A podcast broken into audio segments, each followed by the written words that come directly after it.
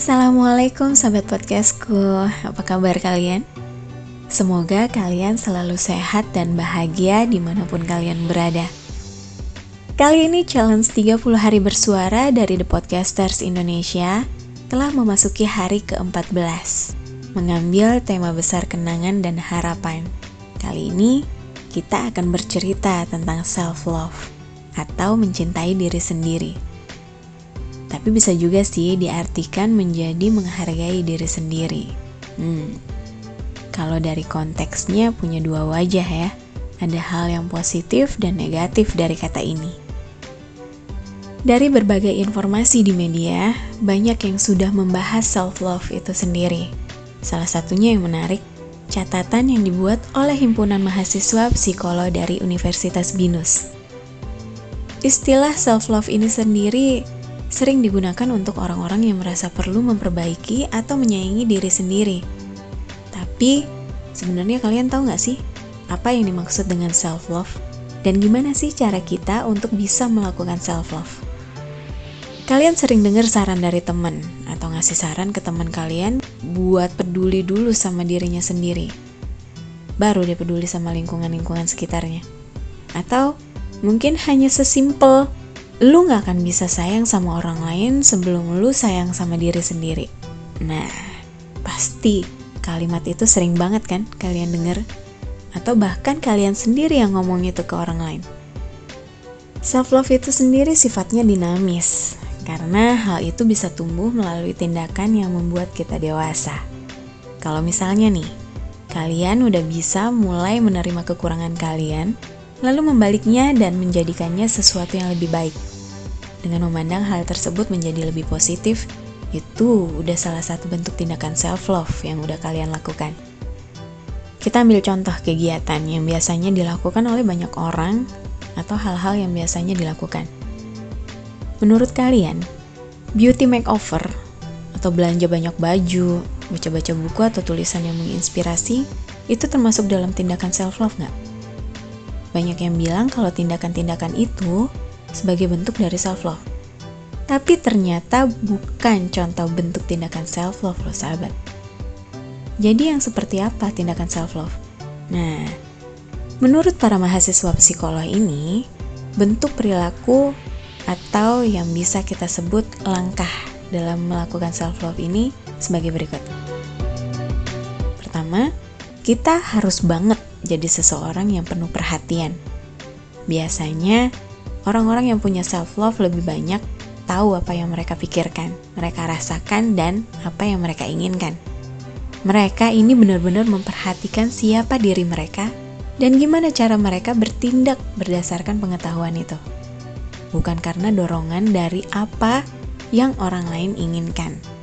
Dan kita bertindak sesuai yang kita butuhkan, bukan sesuai yang kita mau.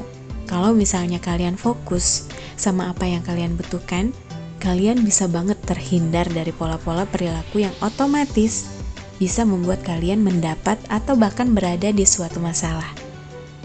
Ngebuat kalian terjebak di masa lalu dan yang lebih bahayanya lagi nih, hal itu bisa ngebuat kalian kurang mencintai diri kalian sendiri nantinya. Habis itu, apalagi sih yang perlu kita lakukan? Nah, kita harus melatih diri kita buat ngerawat atau peduli tentang diri kita sendiri dengan baik. Dengan cara begini, udah pasti banget deh kalian bisa lebih mengembangkan self love kalian ketika kalian benar-benar peduli sama kebutuhan dasar kalian dengan lebih baik. Contoh aja, dari hal-hal yang dilakukan itu cuma sesimpel kalian makan makanan yang baik setiap hari, memperhatikan asupan nutrisi, olahraga, tidur nyenyak, dan juga interaksi sosial yang sehat. Selanjutnya yang bisa kita lakukan agar self-love terwujud, yaitu dengan menetapkan batas.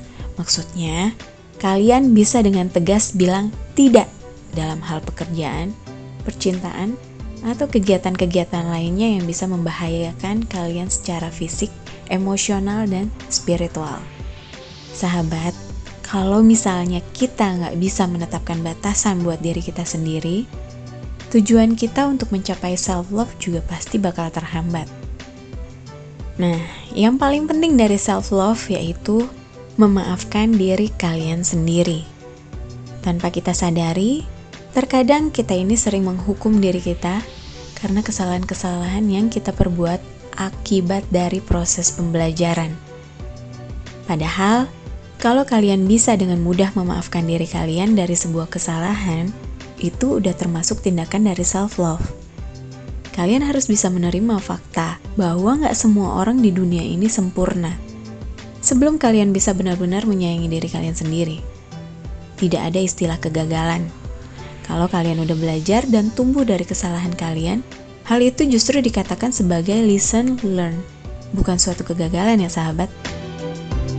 Dan bagian terakhir yang bisa kita lakukan untuk ngembangin self-love kita yaitu dengan cara live intentionally kalian akan lebih mudah menerima apa pun yang terjadi dalam hidup kalian ketika kalian hidup dengan tujuan. Dengan cara ini, juga kalian bisa lebih mencintai diri kalian sendiri. Suatu contoh simpel dari tujuan hidup itu misalnya, kalau kalian punya niat buat ngejalanin kehidupan sebagai sesuatu yang bermakna dan sehat. Maka secara nggak langsung, kalian juga akan membuat keputusan yang mendukung niat kalian tersebut.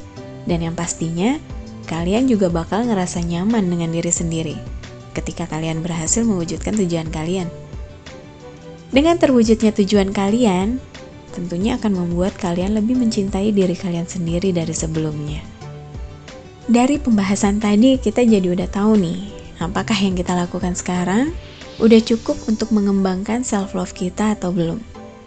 Kalau sahabat podcast sendiri gimana? Udah merasa cukup banyak melakukan hal-hal yang bisa ngembangin self-love? Kalau kalian merasa belum cukup untuk mencapai self-love kalian, jangan sampai lupa untuk melakukan hal-hal tersebut. Saya akhiri dulu podcast hari ini. Saya pribadi mengucapkan terima kasih kepada mahasiswa psikolog Universitas Binus Jakarta yang sudah merangkum dan memberikan informasi positif mengenai apa itu self-love dan bagaimana cara mencapainya. Semoga informasi hari ini bisa memberikan masukan positif memberikan manfaat dan tentunya membuat diri kita semakin bijak dalam melangkah. Tetap sehat dan selalu berpikir positif. Jangan lupa memakai masker, rajin mencuci tangan dan selalu jaga jarak aman. Kita ketemu lagi di podcast selanjutnya. Wassalamualaikum warahmatullahi wabarakatuh.